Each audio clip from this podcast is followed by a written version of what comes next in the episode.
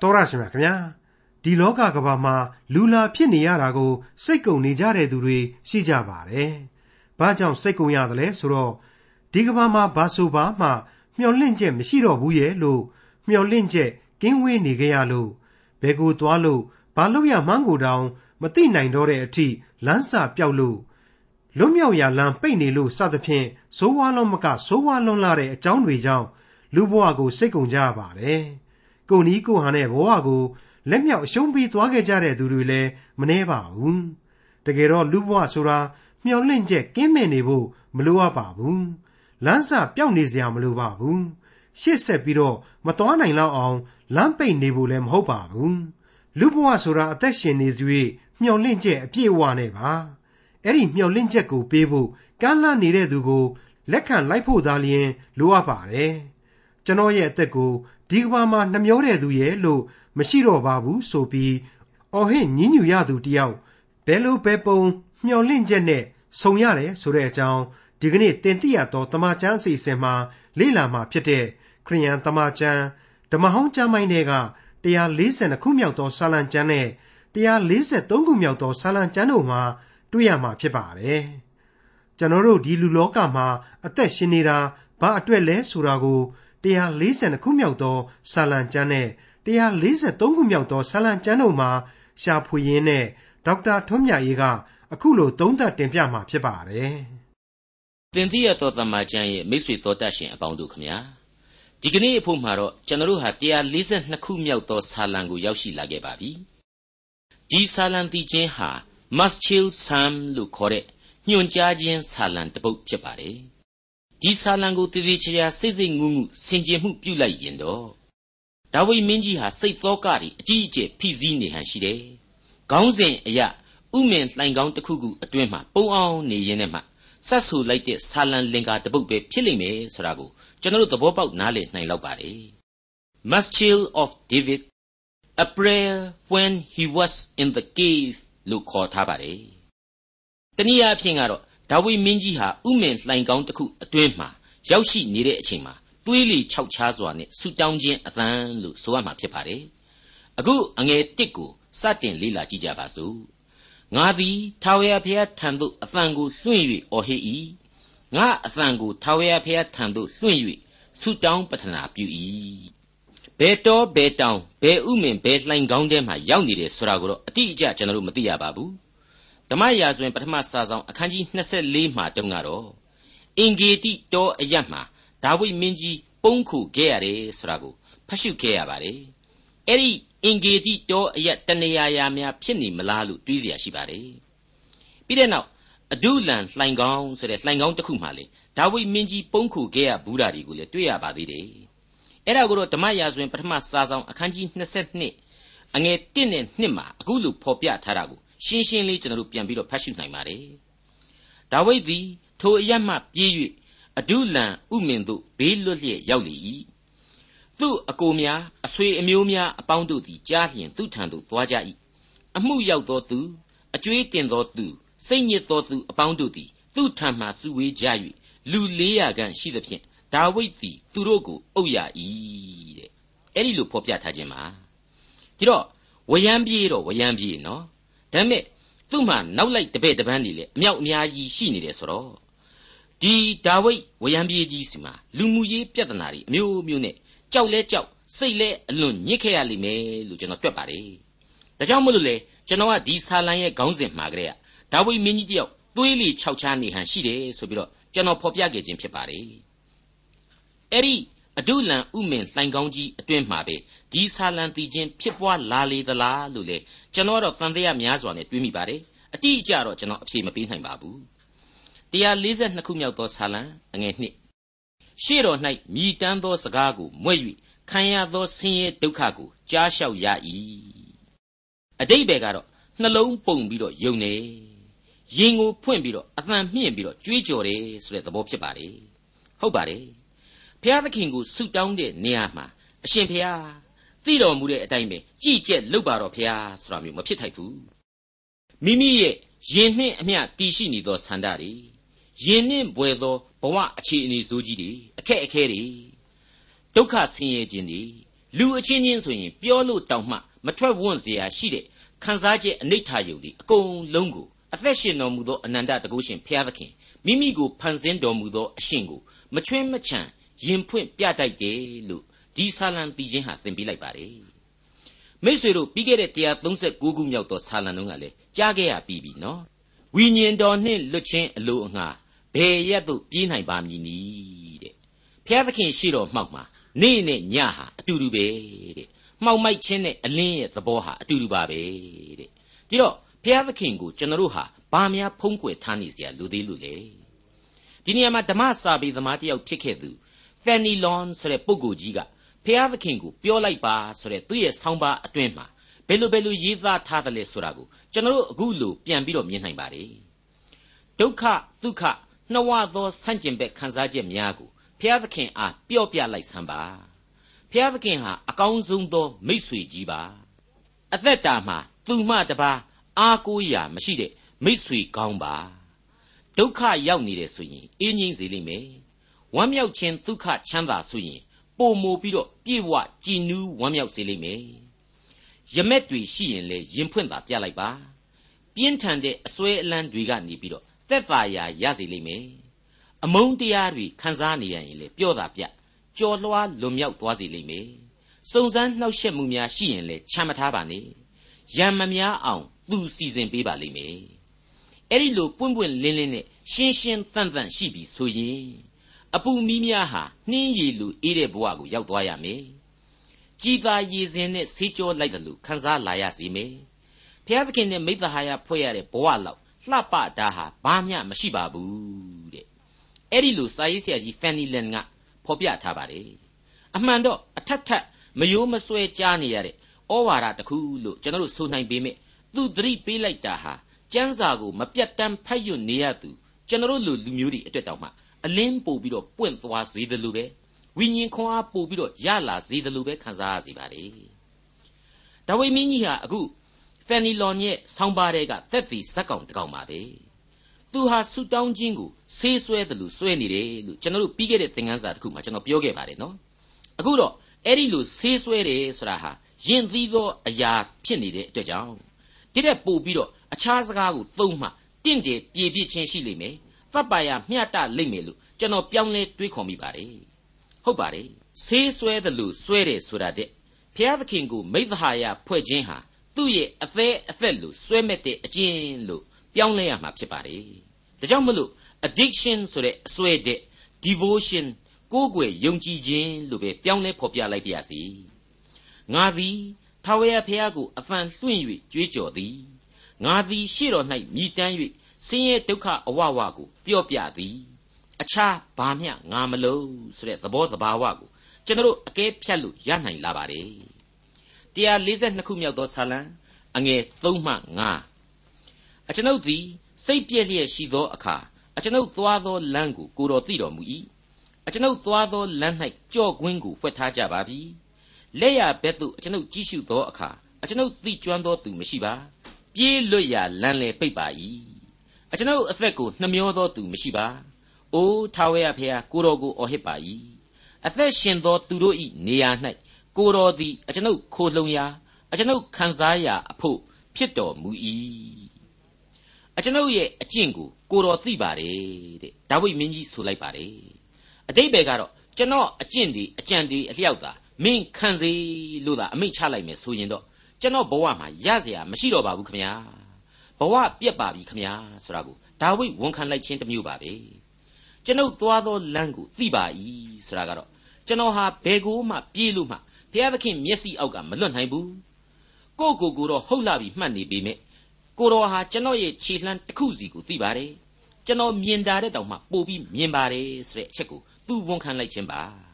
ပြီးတော့မှဒါဝိမင်းကြီးကဆက်လက်ဖော်ပြလာတာကတော့အရှိအနောက်တောင်မြောက် ကျွန်တော်မှဘဲမှပြေးပေါက်မရှိတော့ပါဘူးဆိုတဲ့အခြေအနေဆိုးကြီးပါပဲ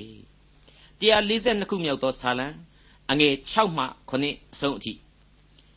အလွန်နှိမ်ချလျက်ရှိနေသောအကျွန်ုပ်၏ကြွေးကြော်သံကိုနားထောင်တော်မူပါအကျွန်ုပ်ကိုညှင်းဆဲသောသူတို့လက်မှကဲနှုတ်တော်မူပါသူတို့သည်အကျွန်ုပ်တဲ့သာ၍ခွန်အားကြီးကြပါ၏နာမတော်ကိုအကျွန်ုပ်ချီးမွမ်းရမည်အကြောင်းအကျွန်ုပ်ကိုထောင်ထဲကနှုတ်ဆောင်တော်မူပါထို့သောကျေးဇူးပြုတော်မူသောအခါ ဖြောင့်မတ်သောသူတို့သည်အကျွန်ုပ်ကိုဝန်းရံလျက်နေရကြပါလိမ့်မည်မိษွေတော်တတ်ရှင်အပေါင်းတို့မင်းတစ်ပါးရဲ့ရာဇဝင်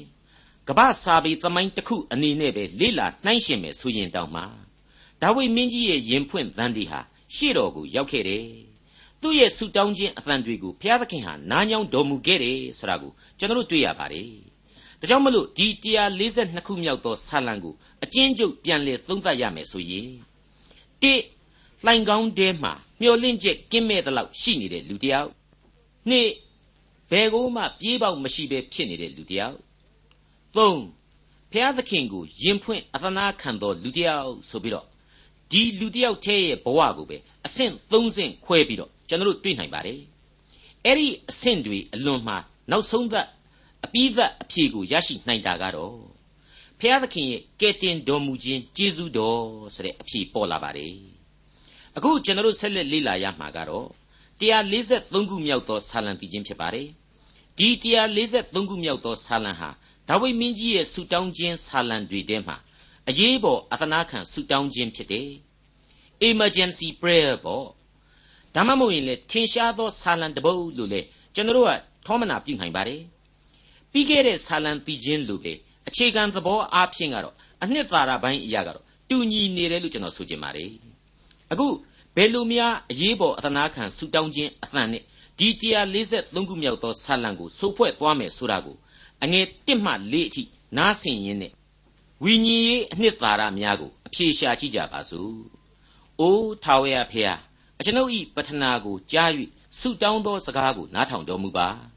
သစ္စာဆောင်ခြင်းဖြောင့်မတ်ခြင်းရှိတော်မူသည့်အတိုင်းပြန်ပြောတော်မူပါ။ကိုတော်ဤကျွန်နှင့်တရားတွေ့တော်မမူပါနှင့်။အသက်ရှင်သောသူမည်သည်ကားရှေ့တော်၌အပြစ်ကင်းစင်ရာသို့မရောက်ရပါ။ရန်သူသည်အကျွန်ုပ်၏ဝိညာဉ်ကိုညှင်းဆဲ၍အသက်ကိုလည်းမြေတိုင်အောင်နှိမ်နှင်း၍ကြာမြင့်စွာသေနေသောသူကဲ့သို့အကျွန်ုပ်ကိုမှောင်မိုက်ထဲမှနေစေပါ၏အကျွန်ုပ်သည်စိတ်ပြည့်လျက်ကိုယ်အထဲ၌နှလုံးကြေကွဲလျက်ရှိပါ၏ မိษွေတော်တတ်ရှင်အပေါင်းတို့ခမညာဒီအပိုင်းဟာပြီးခဲ့တဲ့ဆာလံတဲ့ပို့ပြီးတော့အသေးစိတ်ဆန်တယ်လို့မမြင်ရဘူးလားဒါဝိမင်းကြီးရဲ့အလွန်ကြေကွဲပွေသောအစ္ဆထစိတ်နှလုံးအတွင်းသဘောခံစားချက်တွေကိုပုဂ္ဂိုလ်ရေးဆန်ဆန်ထက်သွင်းဖော်ပြလိုက်တယ်လို့ကျွန်တော်ဆိုချင်ပါတယ်ကိုတော်ဤကျွန်နှင့်တရားတွေ့တော်မမူပါနှင့်အသက်ရှင်သောသူမည်သည်ကရှေ့တော်၌အပြစ်ကင်းစင်ရာသို့မရောက်ရပါရန်သူသည်အကျွန်ုပ်၏ဝိညာဉ်ကိုညှင်းဆဲ၍ အသက်ကိုလည်းမြေတိုင်အောင်နှိမ့်နှင်း၍ကြာမြင့်စွာသေနေသောသူကဲ့သို့အကျွန်ုပ်ကိုမှောင်မိုက်ထဲမှနေစေပါ၏အကျွန်ုပ်သည်စိတ်ပြည့်လျက်စိတ်နှလုံးကြေကွဲလျက်ရှိနေပါ၏တဲ့တနာเสียမကောင်းဘူးလားအလွန်ဆွဲလောက်တဲ့အချက်ကတော့ရှေ့တော်၌အသက်ရှင်သောလူမှန်သမျှအပြစ်ကင်းစင်ရာသို့မရောက်ပါတဲ့ဒီအတိတ်ပဲဟာဘာလဲဆိုတော့ရှင်းနေပါလေလူသားဆိုတာဟာအပြစ်နဲ့ဘယ်သူမှမကင်းဘူးဖျားသခင် လူသားမှန်သမျှအပြစ်နဲ့မကင်းပါဖျားတဲ့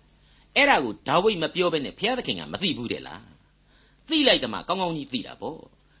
သူ့လက်တော်နဲ့ဖန်ဆင်းထားတဲ့မြေမှုန့်ကနေလာလာတဲ့လူသားသူမကြိုက်တာတွေကိုသမိုင်းတစ်လျှောက်လုံးလှုပ်ထားတာကိုသူသိတာပေါ့ဒါပေမဲ့သူသိပြီးသားဖြစ်တာကိုဒါဝိဒ်ကအခုလိုပြောနေတာဟာဘုရားသခင်ကိုသွားပြီးတော့မိချောင်းမင်းရည်ကင်းပြတာလေလားမလို့ပဲရှာရှည်တာလားဆိုတော့မဟုတ်ဘူးသူ့ယင်ထဲမှာသူ့အပြစ်တွေးဟာ တောင်လိုပုံနေတယ်ရှံတက်နေတယ်မိုမောက်နေတယ်မချိမဆန့်ဖြစ်နေတယ်ဒါကြောင့်မလို့အန်ထုတ်ပြလိုက်ခြင်းပါပဲဘလောက်အံ့ဩဖို့ကောင်းတယ်လေ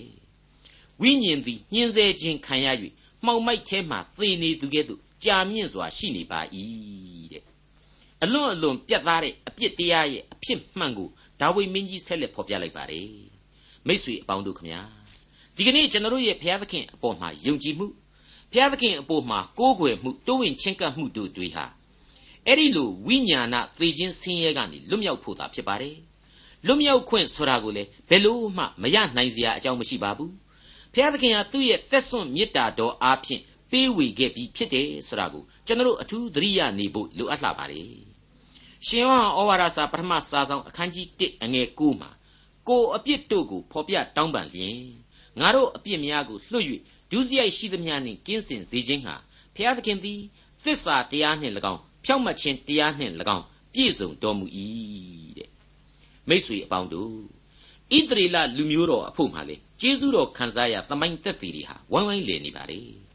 ဓမ္မသမိုင်းတစ်လျှောက်မှာဒီလူမျိုးတော်ရဲ့ကျေးဇူးတော်ခံစားခဲ့ရခြင်းတွေဟာရည်တွက်လို့မကုန်နိုင်ပါဘူး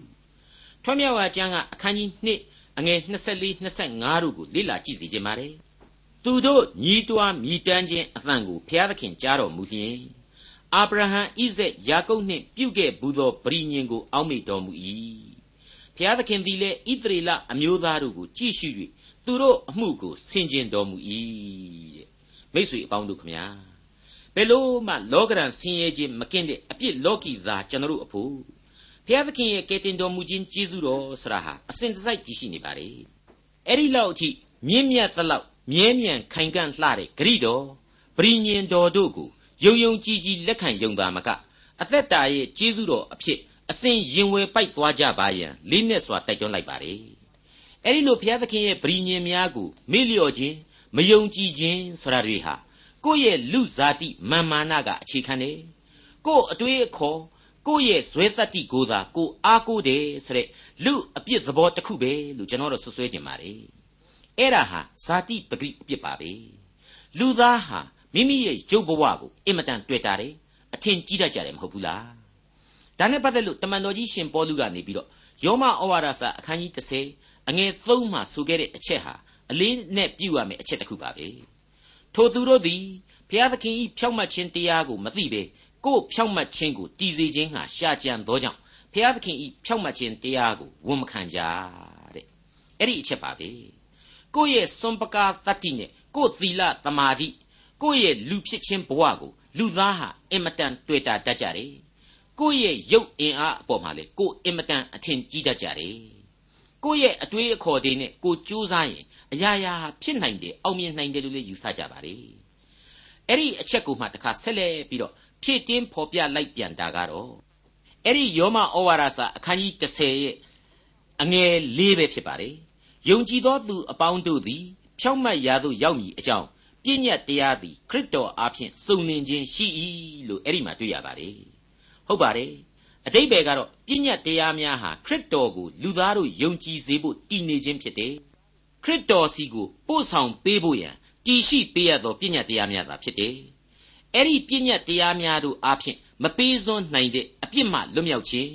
သာဝရအသက်ဆုကျေးဇူးကောင်းကင်နိုင်ငံတော်အမွေဆိုတဲ့ကျေးဇူးတော်အပေါင်းတို့ဟာတော့ခရစ်တော်အားဖြင့်သာလျှင် ရရှိစေနိုင်တယ်ဆိုတဲ့သစ္စာတရားပဲဖြစ်လာပါလေ။တနည်းအားဖြင့်ကတော့ပညာတရားဆိုတာတွေဟာလူရဲ့ဗီဇတတ္တိနဲ့ဘုရားသခင်ချထားတဲ့ဥပရိသတွေကိုအားပြိုင်ခိုင်းတဲ့သဘောပဲဖြစ်ပါလေ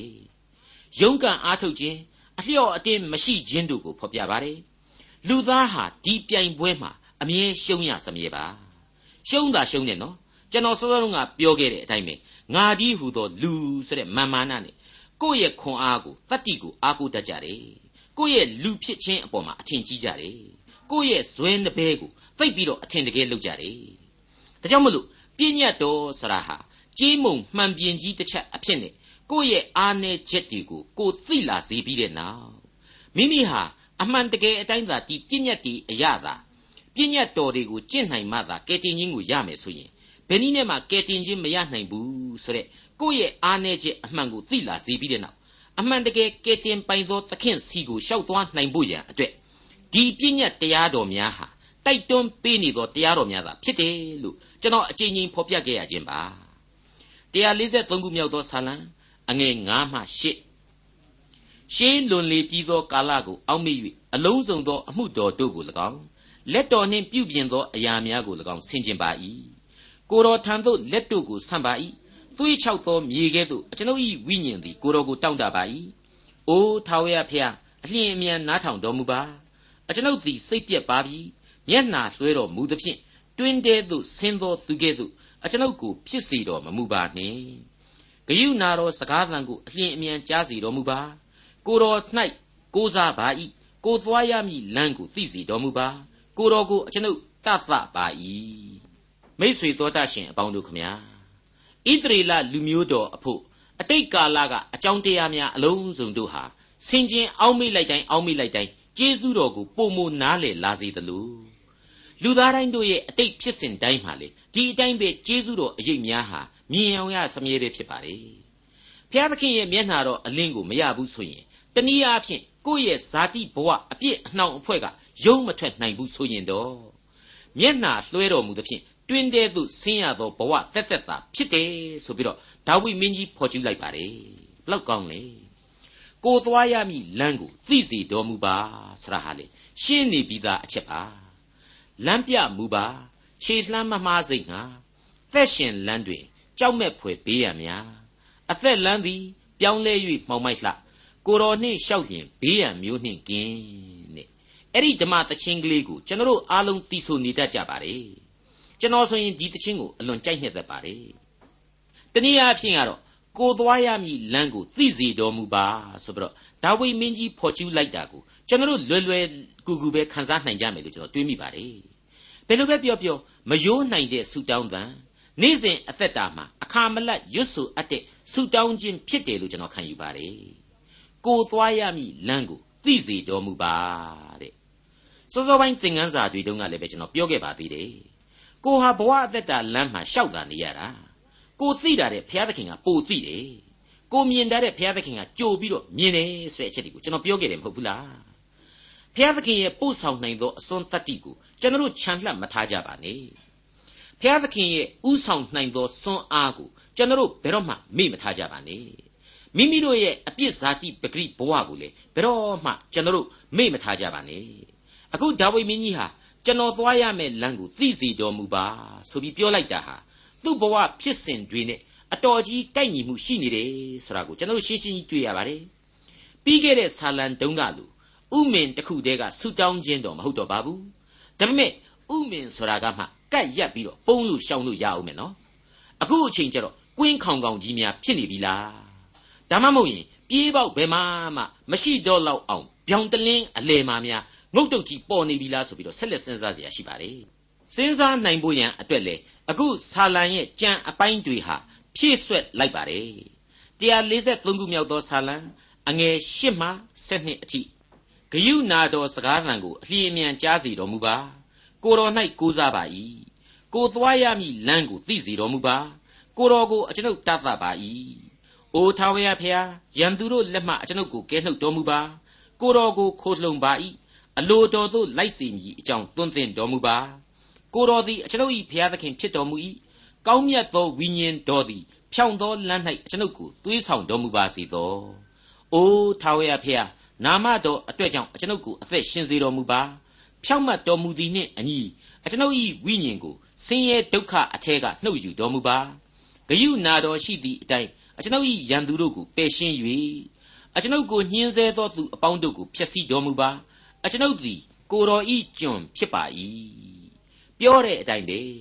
ရန်သူတို့လက်မှာတဲ့မိษွေအပေါင်းတို့ခမညာ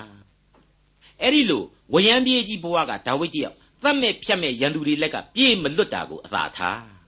ကျွန်တော်အသီးသီးရဲ့အသက်တာအသီးသီးဟာကိုရန်သူတို့လက်မှာမရှိဘူးလားရှိနေပါလေလောကရန်ဆင်းရဲခြင်းတွေဟာရန်သူတို့လက်ပဲမဟုတ်ဘူးလားပြီးတော့ဘဝတဏှာလို့ဆိုရမယ်လောကရဲ့ဆွဲလန်းခြင်းတွေ အဲ့ဒီဆွဲလန်းခြင်းနဲ့သက်ဆိုင်လာတဲ့ဖိစီးမှုတွေအပြစ်သွေးဆောင်ခြင်းအမျိုးမျိုးတွေမကောင်းမသင့်တဲ့အကြံအစီတွေရုန်းကန်အားထုတ်ရခြင်းတွေဘုရားသခင်နဲ့မဝေးဝေးအောင်ပြုနေတဲ့အကျင့်ဇိုးကြီးတွေဆွဲဆောင်မှုကြီးတွေစသည်စသဖြင့်ရန်သူတွေဟာကျွန်တော်တို့ကိုဝိုင်းဝိုင်းလည်နေပါလေအဲ့ဒီရန်သူတို့ဤလက်များဟာကျွန်တော်တို့ကိုအပြစ်တရားရဲ့အဖို့အခဖြစ်တဲ့သေခြင်းစီကိုအတင်းဆွဲပြီးခေါ်တဲ့အပိုင်းကခေါ်အတင်းဝိုင်းပြီးတော့တွန်းပို့တဲ့အပိုင်းကပို့နေတာပဲမဟုတ်ဘူးလား ကျွန်တော်တို့အဖို့အသက်တာဟာသေမင်းအရေးလွှမ်းမိုးနေတယ်ဆိုတာကျွန်တော်အချိန်ချင်းပြောခဲ့ပါတယ်အဲ့ဒီလိုသေမင်းအရေးလွှမ်းမိုးရာဂျိုင်ဝမ်းနဲ့တူတဲ့ကျွန်တော်တို့ရဲ့အသက်တာလမ်းအသီးသီးဟာကျင်းတဲ့ကျင်းကျင်းလိုက်လာပြီးတဲ့နောက်ဆုံးကြတော့ဏိဂုံးအပိုင်းမှာလူဘဝလမ်းဒီမှာပဲရက်တန်းကရက်ဆိုတဲ့ဆိုင်းပုတ်တစ်ခုစီကိုရောက်ကြရစမြဲပဲအဲ့ဒီလိုအခြေအနေမျိုးကနေလွတ်ကင်းဖို့ဒါဝိမင်းကြီးကအခုလိုအပ်ချက်တွေကိုဖော်ပြလိုက်ပါတယ်တိ ကိုတော်ကိုအစဉ်ခိုးလှုံရန်နှစ်ကိုတော်ဤအလိုတော်ကိုလိုက်ရန်နဲ့သုံးဘုရားသခင်ဝိညာဉ်တော်သွန်သင်တဲ့အတိုင်းဖြောင့်တန်းသောလမ်းကိုရွေးချယ်လျှောက်လှမ်းဖို့ပါပဲတဲ့မိတ်ဆွေ84ခုမြောက်သောဆာလံရဲ့အငယ်30ကနေ7ကိုကျွန်တော်ပြန်ပြီးတော့မိษွေတို့ကိုဖတ်ပြခြင်းအပြင်အမှတ်ရရှိစေခြင်းပါတယ်တရိုင်းတော်တို့အတွင်း၌နေသောတရက်သည်အခြားအရ၌နေသောအရက်တစ်ထောင်တည်းသာ၍ကောင်းပါ၏ မတရားသောသူ၏နေရာ၌နေရသောအခွင့်တည်းအကျွန်ုပ်၏ဖျားသခင်အိမ်တော်၌တကစောင်းအရာကိုအကျွန်ုပ်သာ၍နှစ်သက်ပါ၏ထာဝရအရှင်ဖျားသခင်သည်နေလည်းဖြစ်တော်မူ၏အကွယ်အကာလည်းဖြစ်တော်မူ၏ထာဝရဘုရားသည်ကျေးဇူးတော်နှင့်ဘုံအသရေတော်ကိုပေးတော်မူ၏ဖြောင့်မတ်စွာကျင့်သောသူတို့အားကောင်းသောအရာကိုညင်းတော်မမူကောင်းကင်ဘိုးကြီးအရှင်ထာဝရဘုရားကိုတော်၌ခိုလှုံသောသူသည်မင်္ဂလာရှိပါ၏ဒီတော့ဒီကဲတင်ရှင် ဒီအနန္တတကုရှင်ဘုရားသခင်စီမှာကျွန်တော်မခိုလှုံနိုင်စရာအကြောင်းဘာများရှိသေးသလဲသူဖန်ဆင်းလို့လူဖြစ်ရတယ်သူပေးတဲ့အသက်နဲ့အသက်ရှင်ရတယ်သူပေးသူ၍ကျွေးသူ၍နဲ့ရောင်ရဲရတယ်သူခေါ်တဲ့အခါကျတော့ဘဝကိုခွာသွားကြရတယ်ဘဝဟာဒီအတိုင်းပဲလူတိုင်းအသီးသီးအသက်ကချီတက်နေကြစမြဲပဲမဟုတ်ဘူးလားအဲ့ဒီမှာရင်စောရကတက်เสียတစ်ချက်ကတော့လောကရန်လူသားဟာလူသားပြီပြီဘာတာဝန်မှမယူဘဲနဲ့ ဘုရားသခင်အရေးမှာပဲခိုးလှုံနေရမလားဆိုတဲ့အချက်ပဲပေါ့ဘုရားသခင်အရေးမှာခိုးလှုံတဲ့လူတွေအဖို့တာဝန်ဆိုတာဟာအစဉ်တစိုက်ရှိစမြဲဂလာတိဩဝါဒစာတုံးကဘဝရဲ့ဝန်တုပ်နှမျိုးအကြောင်းကိုကျွန်တော်တို့ဖော်ပြခဲ့ပြီးပါပြီဝေမျှလို့ရသောဝန်တုပ်နဲ့ကိုယ်တိုင်ထမ်းရွက်ရသောဝန်တုပ်ဆိုပြီးတော့ဝန်တုပ်နှမျိုးရှိတဲ့အကြောင်းဖြစ်ပါတယ်ဂလာတိဩဝါဒစာအခန်းကြီး6အငယ်1နဲ့2ကိုဖတ်ကြည့်ရင်အခုလိုမြင်နိုင်ပါတယ်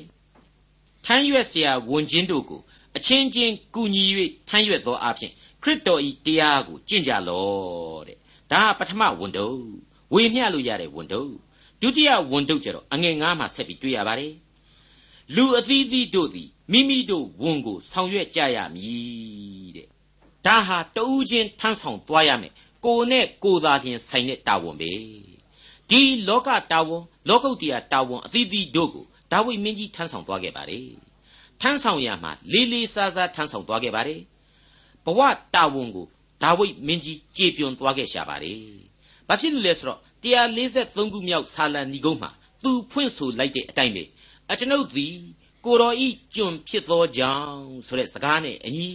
ဖျားသခင်အရေးမှာခိုးလှုံရင်ဖျားသခင်ပေးအပ်တဲ့အသက်တာတာဝန်များကိုသူဟာထမ်းရွက်ခဲ့သူမို့လို့ပါပဲ ဒေါက်တာထွန်းမြတ်ရေးစီစဉ်တင်ဆက်တဲ့တင်ပြတော်တမချန်းအစီအစဉ်ဖြစ်ပါတယ်နောက်ချိန်အစီအစဉ်မှာခရိယန်တမချန်းဓမ္မဟောင်းကျမ်းပိုင်းမှာပါရှိတဲ့144ခုမြောက်သောဆာလံကျမ်းကိုလေ့လာမှဖြစ်တဲ့အတွက်စောင့်မျှော်နားဆင်နိုင်ပါတယ်။